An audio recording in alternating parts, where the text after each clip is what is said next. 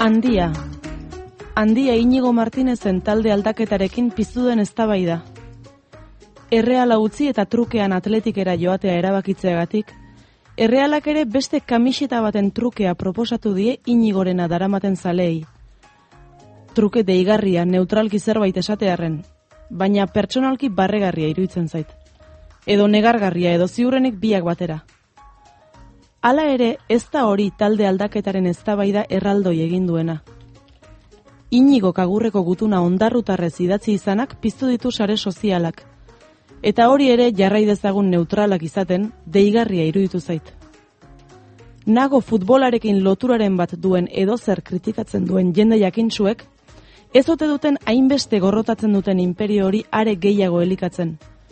Finean, sare sozialetan dabilen mundu paralelo horrek ere ez ote duen izarren hautsa bizigai. Bere soldata potoloaz edo horrazkeraz hitz egin izan balute tira. Baina ini hori zer eta euskalkia salatu diote. Sarnadin eztabaidan bete-betean, ez dakit zuei, baina ondarrutarrez idatzitako gutunak, niri behintzat, autentizidadea eta hurbiltasuna sentiarazi dizkit. Beste inori edo roboten bati eskatu beharrean, inigok berak idatzi izan balu bezala. Orain arte ahoa zabaldu duen bakoitzean hitz egin izan duen modu berberean.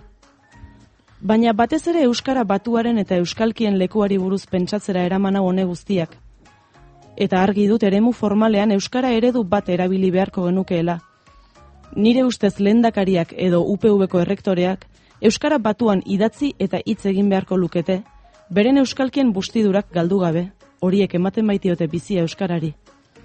Baina eremu formal guztiak aldira berdinak, edo eremu formal horietan ere badira informalagoak direnak?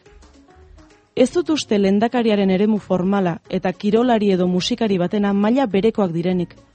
Eta agian, bigarren eremu horretan euskalkien polifonia ezberdinak entzutea elitzeguke bat ere gaizki etorriko.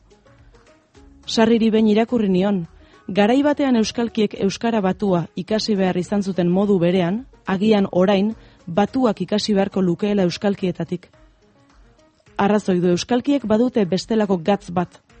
Eta gatza, medikuek eta akademikuek debekatzen badigute ere, behar beharrezkoa da janarien edo kasu honetan hizkuntzaren kontserba bizirako.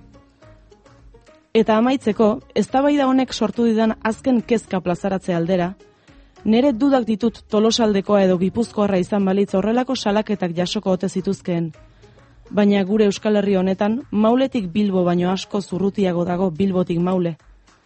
Dena dela, bakoitzari berea, eta inigo zuri zoixonak, edo goresmenak.